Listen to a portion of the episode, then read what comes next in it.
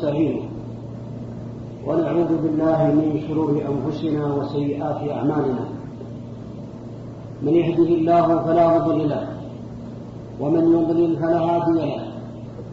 وأشهد أن لا إله إلا الله وحده لا شريك له وأشهد أن محمدا عبده ورسوله صلى الله عليه وعلى آله وأصحابه وسلم تسليما كثيرا. يا أيها الذين آمنوا اتقوا الله حق تقاته ولا تموتن إلا وأنتم مسلمون. يا أيها الناس اتقوا ربكم الذي خلقكم من نفس واحدة وخلق منها زوجها وبث منهما رجالا كثيرا ونساء واتقوا الله الذي تساءلون به والأرحام إن الله كان عليكم رقيبا. يا أيها الذين آمنوا اتقوا الله وقولوا قولا سديدا. يصلح لكم أعمالكم ويغفر لكم ذنوبكم. ومن يطع الله ورسوله فقد فاز فوزا عظيما. أما بعد عباد الله إن الله تبارك وتعالى من علينا بالإسلام. نعمة عظيمة. أن جعلك الله من المؤمنين الذين يعبدون الله عز وجل والذين وعدهم الله عز وجل بجنات النعيم. أفمن شرح الله صدره للإسلام فهو على نور من ربه فويل للقاسية قلوبهم من ذكر الله. وكما قال الله تبارك وتعالى فمن يرد الله أن يهديه يشرح صدره للإسلام ومن يرد أن يضله يجعل صدره ضيقا حرجا كأنما يصعد في السماء. هذه نعمة عظيمة. لا يمكن للإنسان أن يؤدي شكرها. وقد قال الله عز وجل وإن تعدوا نعمة الله لا تحصوها وأعظم النعم أن جعلك الله من المسلمين. فيا عبد الله احفظ إسلامك. فإن النبي عليه الصلاة والسلام بل في القرآن الكريم وفي سنة النبي صلوات الله وسلامه عليه وبيان أهل العلم ذلك بينوا بأن هناك أمورا تخرج الإنسان من الإسلام وربما لا يشعر ويقال لها نواقض الإسلام ويقال لها ويقال لها مفسدات الإسلام. وهذا أمر خطير على المسلم ألا يعرف هذه الأمور فإنه إذا جهلها ربما خرج من الإسلام وهو لا يشعر بكلمة أو بفعل. أو بغير ذلك من الأمور التي بينها الله عز وجل في كتابه. وهذه الأمور تكون كمفسدات الطهارة. الإنسان إذا كان على طهارة على وضوء ثم أراد أن يدخل في الصلاة وكبر تكبيرة الإحرام وصلى الركعة الأولى والثانية ثم أحدث فسع أو حصل له حدث ينقض الوضوء وهو في صلاته. ثم استمر في صلاته فصلاته باطلة لأنه قد حصل له ناقض من نواقض الطهارة. لا يقبل الله صلاته حتى يتوضأ ثم يعيد الصلاة من جديد. كذلك من أتى بناقض من نواقض الإسلام فإنه يخرج عن دين الإسلام وأعماله السابقة تكون هباء منثورا كما قال الله عز وجل وقدمنا إلى ما عملوا من عمل فجعلناه هباء منثورا. يجعله الله عز وجل هباء منثورا. لو عمل الإنسان خمسين سنة في طاعة الله أو ستين أو سبعين ثم جاء بناقض من نواقض الإسلام هدمت أعماله كلها السابقة فخسر دينه كله. فعليك يا عبد الله أن تعلم هذه النواقض هذه المفسدات. أولها الإشراك في عبادة الله عز وجل. وهو أن تجعل لله ندا وهو خلقك وهو أن تصرف أو يصرف العبد نوعا أو فردا من أفراد العبادة لغير الله عز وجل التي أمر الله أن تصرف له.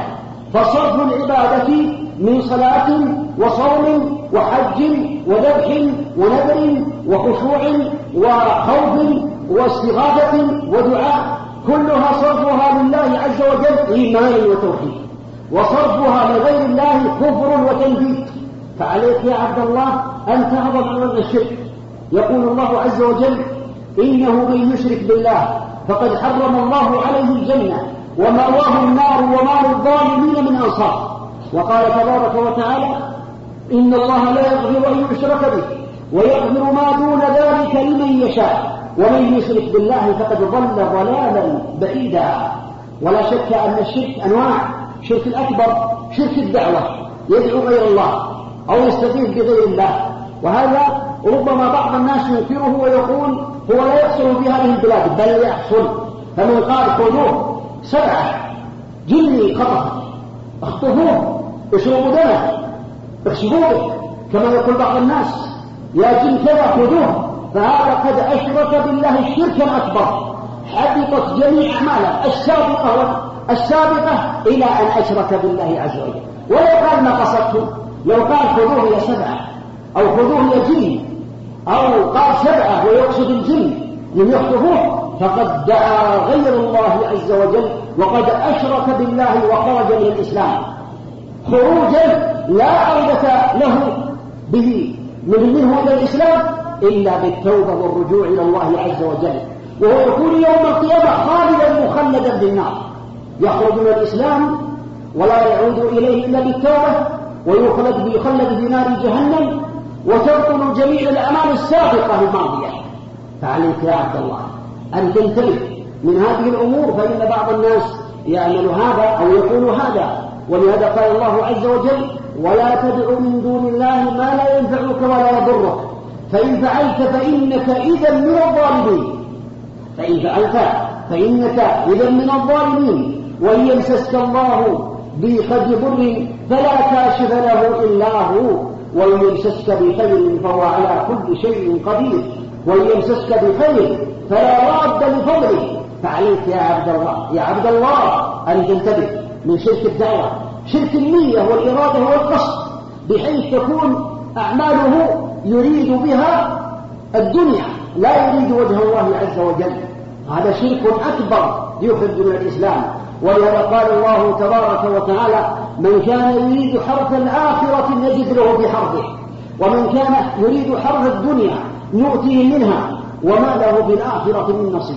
من كان يريد الحياة الدنيا وزينتها نوفي إليهم أعمالهم فيها وهم فيها لا يبخسون. أولئك الذين ليس لهم بالآخرة إلا النار وحبط ما صنعوا فيها وباطل ما كانوا يعملون. من كان يريد العاجلة عجلنا له فيها ما نشاء. لمن يريد ثم جعلنا له جهنم يصلاها مذموما مدحورا. فلا بد أن ينتبه الإنسان لهذا. من شرك الأكبر كذلك شرك المحبة. المحبة أربعة أنواع. محبة الله عز وجل وهذا كل الناس يحبون الله. اليهود تحب الله. اليهود يحبون الله. النصارى يحبون الله. المشركون يحبون الله. المسلمون يحبون الله. لا شك في ذلك. والأمر الثاني من المحبة محبة ما يحبه الله. وهذا هو الذي يدخله الإسلام. إذا أحببت ما يحبه الله أحببت الصلاة أحببت الزكاة أحببت طاعة الله أرغبت معاصي الله فهذه المحبة التي يدخل بها الإنسان في الإسلام. المحبة الثالثة وهي الحب لله وفيه. وهذه المحبة داخلة في المحبة الثانية في محبة ما يحبه الله عز وجل. المحبة الرابعة وهي محبة المحبة الحب مع الله. حب الله مع غيره. الإشراك مع الله عز وجل. وهذه المحبة الشركية. ولهذا قال الله عز وجل ومن الناس من يتخذ من دون الله أندادا يحبونهم كحب الله والذين آمنوا أشد حبا لله. إذا هذا يدل على أن المشركين يحبون الله لكنهم يحبون آلهتهم كما يحبون الله. أما المسلم فهو يحب الله عز وجل أشد مما يحب الكفار آلهتهم. ولا شك أن المسلم عليه أن ينتبه وأن يكون حبه لله وبغضه لله كما قال النبي عليه الصلاة والسلام من أعطى لله ومنع لله وأحب لله وأبغض لله فقد استكمل الإيمان يقوله النبي عليه الصلاة والسلام. محبة الناس في هذا الزمان إلا من عصم الله أصبحت للدنيا. يحبون من أجل الدنيا يعطون من أجل الدنيا يبغضون من أجل الدنيا. ولا القليل إلا من عصم الله وقليل من عباده الشكور كما يقول الله عز وجل ذلك. إذا فعليك أن تكون من القليل. لا تحب إلا لله ولا تبغض إلا لله عز وجل. من أنواع الشرك الأكبر شرك الطاعة. طاعة المخلوق في معصية الله. طاعة الأمراء. أو طاعة الأحبار أو طاعة الرهبان. أو طاعة المخلوقين في معصية الله عز وجل. فإن هذا يخرج عن الإسلام. فلو كان إنسان أمر بأمر حرمه الله عز وجل واتبعه الناس وهم يعلمون بأنه محرم واعتقدوا بأنه حلال وهو حرام فهذا ردة عن دين الإسلام. أما إذا كانوا من الجهلة واتبعوه في أوامره يأمر بمعصية الله وينهى عن طاعة الله عز وجل فحينئذ اتبعوه لكنهم يعتقدون خلافه فهذا هؤلاء يعلمون. ولهذا قال الله عز وجل اتخذوا أحبارهم ورهبانهم أربابا من دون الله. والمسيح ابن مريم. وما أمروا إلا ليعبدوا إلها واحدا. قال عدي بن حاتم يا رسول الله لسنا نعبدهم. قال أليسوا إذا أحلوا ما حرم الله أحللتموه وإذا حرموا ما أحل الله حرمتموه. قال بلى. قال تلك عبادتهم. فهذا من النوع الأكبر المخرج من الإسلام. كذلك من الشرك الذي ينبغي للمسلم أن يبتعد عنه. جميع الشرك أنواع بأنواعه شرك الدعوة وشرك كذلك الإرادة وشرك المحبة وغير ذلك من أنواع الشرك الأكبر يبتعد الإنسان عنه ويأتي إلى التوحيد. والشرك لا شك أن الشرك يكون على نوعين شرك أكبر وتقدم بعضه. وشرك أصغر وهو لا يخرج من الإسلام. وقد يخرج من الإسلام. والشرك الأكبر هو كل وسيلة توصل الشرك الأصغر كل وسيلة توصل إلى الشرك الأكبر من قول أو فعل أو إرادة. فالقول كأن يحلف بغير الله يحلف يقول وعياله أو يحلف ويقول لزوجته أو يحلف بالنبي يقول النبي أو يحلف بالمخلوق أو يحلف يقول محبتك أو يحلف ويقول مخساقة أو غير ذلك هذا شرك. بالألفاظ. أو يقول ما شاء الله وشئت أو يقول لولا الله وأنت هذا من الله ومنك هذا شرك. وهذا الشرك الأصغر هو أكبر من الكبائر كما يذكر أهل العلم. يذكر أهل العلم بأن الشرك الأصغر أكبر من الزنا وأكبر من النظام وهذا يدل على أن لا أن هذا الشرك الأصغر عظيم. لا يستهون به. فالمسلم عليه أن يبتعد عن هذا. فلا يحلف إلا بالله. من كان حالفا فليحلف بالله أو ليصمت من حلف بغير الله فقد كفر أو أشرك. كذلك من قال لولا الله أنت أشرك لكن يقول لولا الله وحده. الأمور ثلاثة الأول أن يقول لولا الله وحده وهذا أفضل الدرجات. فإن لم يأتي بهذه الدرجة فيقول لولا الله ثم أنت لا بأس هذا من الله وحده. أو يقول هذا من الله ثم منك. أو يقول أنا بالله وحده وهذا أفضل الدرجات. أو يقول أنا بالله ثم بك. أما الثالثة فهي المحرمة كأن يقول لولا الله وانت أو هذا من الله منك. أو أنا بالله وبك. فهذا من الشرك الأصغر. على المسلم أن يبتعد عنه هذا من الأقوال. من الأفعال كان يتعلق الإنسان حلقة أو خيطا أو تميمة يعلقها على نفسه. يرجو أن الله عز وجل يشفيه بها كما أن بعض كبار السن كما بلغني عندهم سيور ونساء يربطونها على بطونهم ويعتقدون فيها أشياء هذا من الشرك. إن كان يقصد به بأن فيه نفع أو ينفع ويضر من دون الله فهذا شرك أكبر. وإن كان يقول بأنه يعني يكون سببا للعافية فهذا شرك أصغر وخطير جدا. هذا من شرك الأفعال. شرك النيات والمقاصد. وهذا كما قال الإمام ابن القيم رحمة الله عليه هذا البحر الذي لا ساحل له. بحر لا ساحل له. فعلى المسلم أن يبتعد عن هذا ومن هذا الرياء أعاذ الله وإياكم من الرياء. كان يصلي ويزين صلاته حتى يمدح وحتى يثنى عليه أو يتصدق على الفقراء والمساكين حتى يثنى عليه. وحتى يشكر أو يذبح للأضياف ويعطي الأموال ويتبرع بالصدقات وبالنفقات والتبرعات حتى يقال بأنه كريم. وهذا ليس له في الآخرة من نصيب. نسأل الله العافية لأن عمله بطل. ولهذا بين النبي عليه الصلاة والسلام أن من أول من تسعر به من نار يوم القيامة رجل جاهد في سبيل الله ولكن نيته ليست لله فيؤتى به يوم القيامة ويعرف نعم الله فيعرفها. فيقول ما فعلت به قال جاهدت في سبيلك حتى قتلت. فيقال له كذبت. إنما جاهدت ليقال هو جواد يعني شجاع. فقد قيل ثم يؤمر به ويسحب على وجهه إلى جهنم. والآخر كان يقرأ القرآن ويعلم الناس الخير. ثم يؤتى به يوم القيامة لكن نيته ليست لله. نيته من أجل أن يقال هو عالم هو قارئ فيسأل يوم القيامة ويعرف نعم الله فيقال ما فعلت قال ما تركت من سبيل إلا دعوت لك فيه وأمرت ونهيت. أو كما جاء في الحديث عن النبي عليه الصلاة والسلام فيقال له كذبت إنما فعلت ذلك ليقال هو عالم هو قارئ فقد قيل ثم يؤمر به فيسحب على وجهه إلى جهنم. ورجل آتاه الله من أصناف المال فهو يذبح الأضياء ويكرم الناس وينفق في الأموال ولكنه كانت هذه الأعمال ليست لله. فيؤتى به يوم القيامة فيقال ما فعلت؟ فيقول يا رب ما تركت من سبيل تحب أن ينفق لك بها إلا أنفقت. فيقال له كذبت إنما فعلت ذلك ليقال هو جواد أي هو كريم فقد قيل ثم يؤمر به فيسحب على وجهه إلى جهنم. هذا الرياء أعاذ الله وإياكم من الرياء. فالمسلم عليه أن يسأل الله العافية وهو أخطر على المسلم من المسيح الدجال. كما بين النبي عليه الصلاة والسلام ينبغي لكل مسلم أن يخشى الرياء على نفسه. ينبغي لا تتهم الناس وتقول فلان ليس بمخلص. لا هذه القلوب بين اصبعين من أصابع الرحمن. لا يطلع عليها إلا الله. لكن عليك أن تنظر إلى نفسك حاسب نفسك.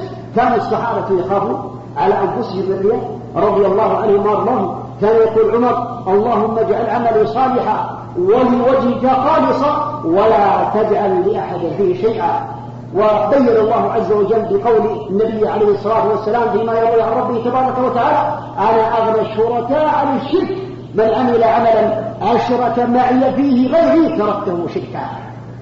ويؤتى الرجل يوم القيامة الذي كان يرائي في الدنيا في صلاته أو في عبادته لله عز وجل. فيقول الله للمرائين يوم القيامة اذهبوا إلى من كنتم تراءون في الدنيا فالتمسوا عندهم جزاء. أو هل تجدون عندهم من جزاء؟ فالمسلم عليه أن يسأل الله أن يتقبل أعماله. كم من المؤمنين الذين يخافون على أنفسهم لكن على المسلم إذا خشي على نفسه الرياء يعلم بأنه مخلص. إذا كنت في كل صلاة وفي كل صدقة وفي كل عمل تخشى. ولو بلغ بك من العلم ما بلغ تخاف الرياء على نفسك. فأبشر بالخير. لأن الله يقول والذين يؤتون ما آتوا وقلوبهم وجلة أنهم إلى ربهم راجعون. قالت عائشة يا رسول الله أهو الرجل يزني ويسرق ويشرب الخمر. قال لا ابنة الصديق ولكنه الرجل يصلي ويصوم ويتصدق ويخاف ألا يتقبل منه. هذا أمر عظيم. فعليك يا عبد الله أن تسر الإخلاص في عملك لله عز وجل. وكذلك إرادة الدنيا بالعمل الصالح. ولهذا قال النبي عليه الصلاة والسلام من طلب علما أو من تعلم علما مما يبتغى به وجه الله تعالى لا يتعلمه إلا ليصيب به عرضا من الدنيا لن يرح عرف الجنة يوم القيامة. أو كما قال النبي عليه الصلاة والسلام. والشرك أمره عظيم. ثم الناقض الثاني وهو أن يجعل الإنسان بينه وبين الله وسائل يدعوهم ويتوكل عليهم ويستغيث بهم. وهذا هو يدخل في دعوة غير الله تبارك وتعالى. فالمسلم عليه أن يبتعد عن هذا. والناقض الثالث وهو ناقض عظيم. وهو من اعتقد أن هدي غير النبي صلى الله عليه وسلم أكمل من هديه. أو أن حكمه أكمل أحسن من حكمه عليه الصلاة والسلام. فقد خرج من دين الإسلام بإجماع المسلمين. لو قال حكم الشيخ الفلاني والسلوم القبلية أحسن وأفضل من حكم هؤلاء القضاة المطاوعة. اسلوب عندهم يعرفون علوم الرجال يعرفون عادات القبائل اما فلان ما تعلم إنما يدرس قرأ وكتب ما عنده علم بشؤون الرجال وطبائع الرجال ولهذا لا يأتون إلى هؤلاء العلماء ولا يسألونهم يذهبون إلى هؤلاء. وهذا في الحقيقة كفر مخرج من دين الإسلام. تفهموا من قال بأن حكم الفلاني الشخص الفلاني أو الشيخ الفلاني شيخ القبيلة أو مقطع الحقوق كما يقولون هو أفضل من حكم الشريعة فقد خرج من دين الإسلام. وقد بطلت جميع الأعمال كلها من أولها إلى لحظته. ومن قال بأن هذا الحكم مساوي فالحكم بما أنزل الله لا بأس به وطيب. والحكم عند القبائل وعند الرجال الذين يعرفون حقوق القبائل يعرفون عادات القبائل وشؤون القبائل لا بأس به. فقد خرج من دين الإسلام. خرج وبطلت أعماله وطلقت زوجته. لا شك في ذلك. عند أهل العلم والإيمان.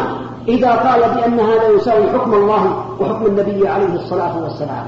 وإذا قال لا حكم الشريعة أحسن وأفضل ولكن يجوز يجوز أن نذهب إلى فلان وأن نتحاكم إليه ولا بأس لأنه عنده عادات ويعرف العادات من فعل كذا فعليه جمل ومن فعل اعتدى على رفيقه فله كذا فعله كذا وكذا.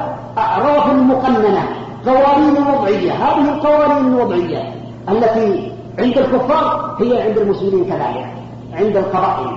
قوانين وضعية ويقولون بأنها أعراف قبائلية وأسلوب قبائل وهذا خروج عن دين الإسلام. خروج إذا فضل حكم هؤلاء على حكم الله أو على أو قال بأنه يساوي أو قال بأنه يجوز فهذا خطر عظيم على المسلم. أما الصلح بين المسلمين فالصلح جائز بين المسلمين إلا صلحا. أحل حراما أو حرم حلالا. والصلح خير بين المسلمين لا بأس بذلك. لكن من شروط الصلح أن لا يكون هناك له عادات ومعارف قبلية وقوانين ويعني أصول. فإذا كان كذلك فهذا هو الحكم بغير ما أنزل الله. أما إذا جاء واجتهد المصلح نظر إلى كلام الله وكلام النبي عليه الصلاة والسلام وأصلح بما يراه مصلحة وليس من شرط أن يكون قد طرق هذا الكلام من قبل أما إذا كان يمشي على قوانين وعلى معارف رجال وعلى عادات قبائل وشلوم فهذا هو الحكم بغير ما أنزل الله عز وجل. فعليك يا عبد الله أن لا تقع في هذه الجريمة فإنه قد وقع فيها كثير من الناس إلا من عصم الله. وكم؟ لا تقل بأنه قد قيل بأن الصلح يعني لا يكون خيرا. بل أنا أقول الصلح خير. والعادات التي تخالف شرع الله عز وجل ويقول أصحابها بأنها أفضل من حكم الله. أو تساوي حكم الله. أو حكم الله هو أفضل وهي أفضل وهي يجوز بها. أحكام عرفية فهذا هو الذي سمعتموه وعلى المسلم أن ينتبه لهذا. والله عز وجل قد قال أفحكم الجاهلية يبغون؟ ومن أحسن من الله حكما لقوم يوقنون. من أحسن من الله حكما؟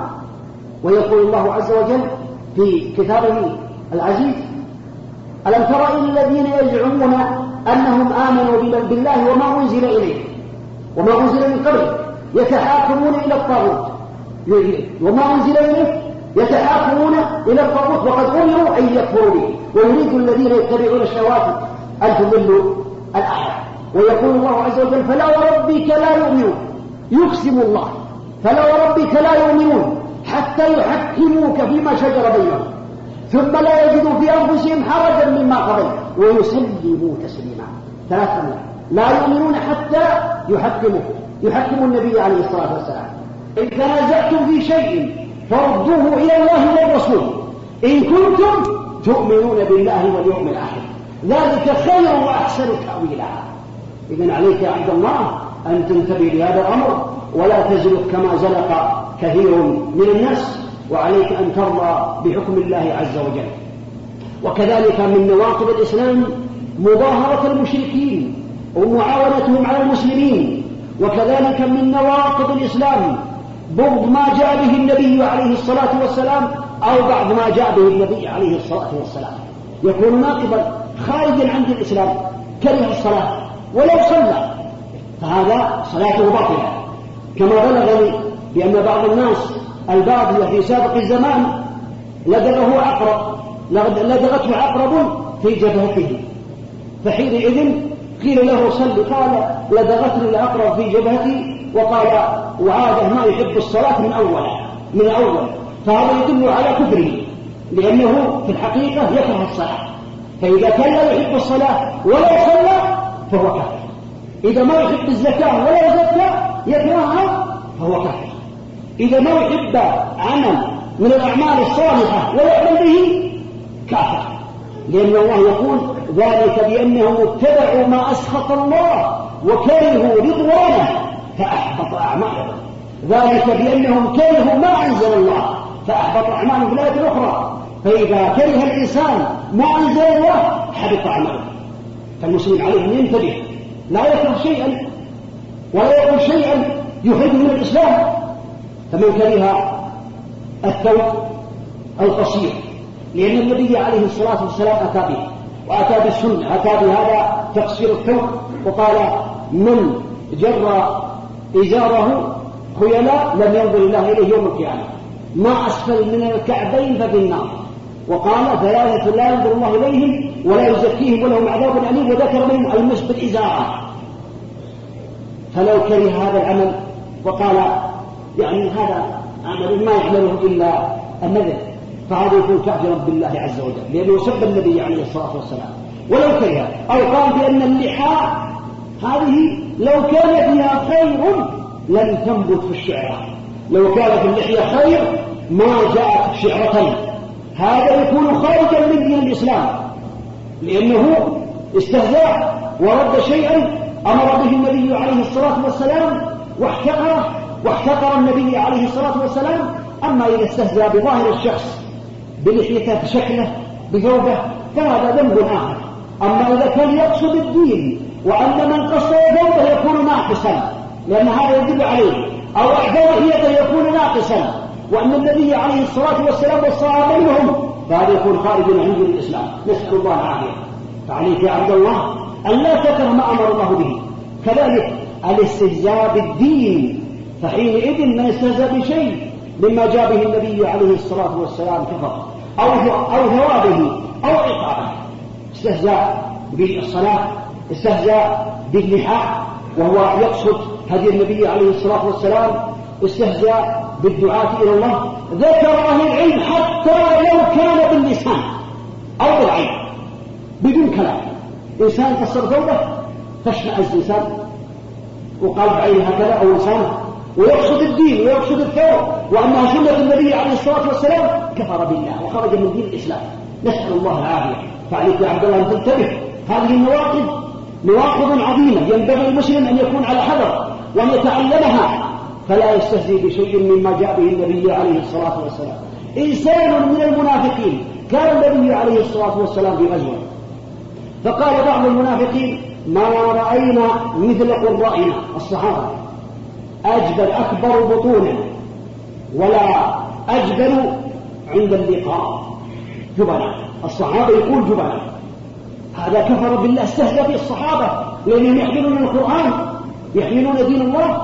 فجاء بعض الصحابة إلى النبي عليه الصلاة والسلام يخبره فوجد القرآن قد نزل وكفرهم. قل أبالله وآياته ورسوله كنتم تستهزئون. قد كفرتم بعد إيمانكم. كفروا بعد إيمانكم.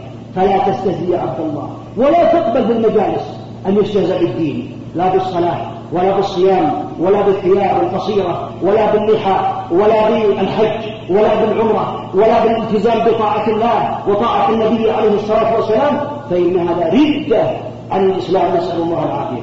ومن هذه النواقض مظاهرة المشركين ومعاونة مع المسلمين. ومن هذه النواقض كذلك من ظن أن هناك من الناس من يجوز له أن يخرج عن شريعة النبي عليه الصلاة والسلام ويسع ذلك كما وسع الخطر الخروج عن شريعة موسى لأن النبي عليه الصلاة والسلام أرسله الله كافة للناس بشيرا ونذيرا عليه الصلاة والسلام للجن والإنس عليه الصلاة والسلام. من أطاعه دخل الجنة ومن عصاه دخل النار. من هذه النواقض العظيمة الإعراض عن دين الله. لا يتعلمه ولا يعمل به. معرض لا يتعلم الدين ولا يعمل بالدين. إعراضا كليا. فهذا هو كافر بالله. وهناك إعراضا جزئيا. والله عز وجل يقول أفرأيت من اتخذ إلهه هواه وأضله الله على علم وختم على سمعه وقلبه وجعل على بصره غشاوة فمن يهديه من بعد الله؟ أصمه الله سد الله عليه أبواب الهداية.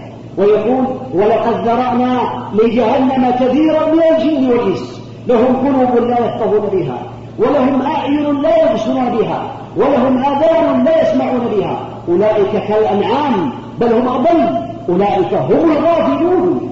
فعليك يا عبد الله أن تنتبه من الإعراض لا تعرض عن دين الله ولا تعرض إعراضا جزئيا فإن النبي عليه الصلاة والسلام دخل ثلاثة من الباب باب المسجد. فأما أحدهما أحدهم فجلس في الحلقة. وأما الآخر فجلس خلف الحلقة. وأما الثالث فخرج. فقال ألا أنبئكم عن الثلاثة؟ قالوا بلى. قال أما أحدهم فآوى فأواه الله. دخل الحلقة.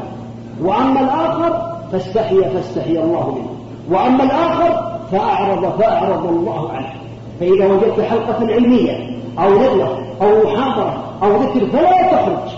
لا تخرج فإن هذا من الإغراء ويخشى عليك أن يعرض الله عنك كما سمعت. فعليك يا عبد الله أن تنتبه.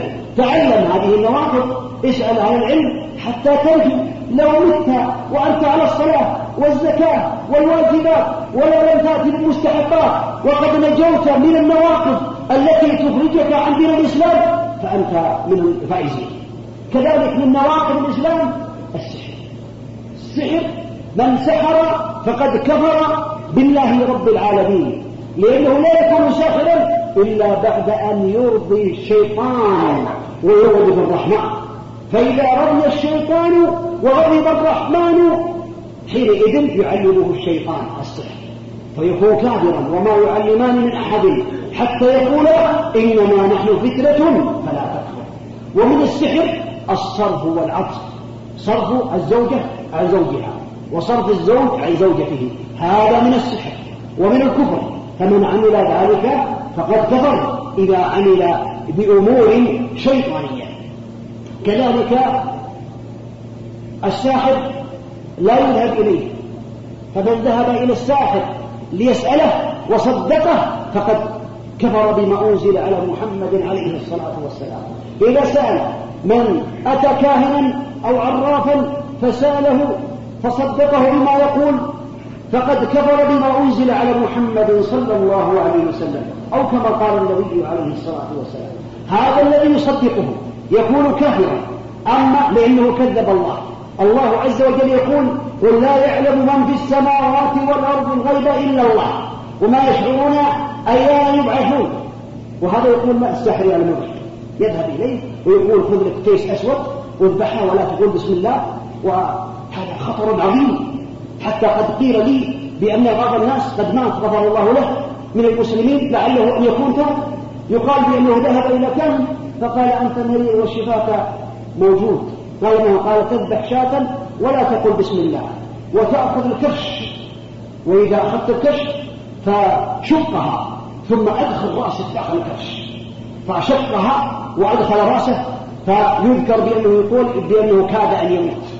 كاد أن تخرج روحه ولعله تاب من هذه القضية فإن السحرة يأتون إلى الناس وربما يخاف الإنسان من السحر. بحيث لو سئل عن السحرة في البلد هل هناك ساحر؟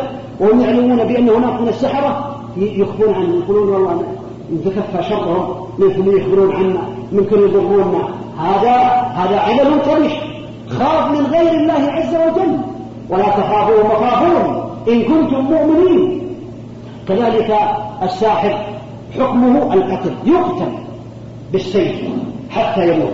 أسأل الله تبارك وتعالى لي ولكم التوفيق والتسديد والإعانة.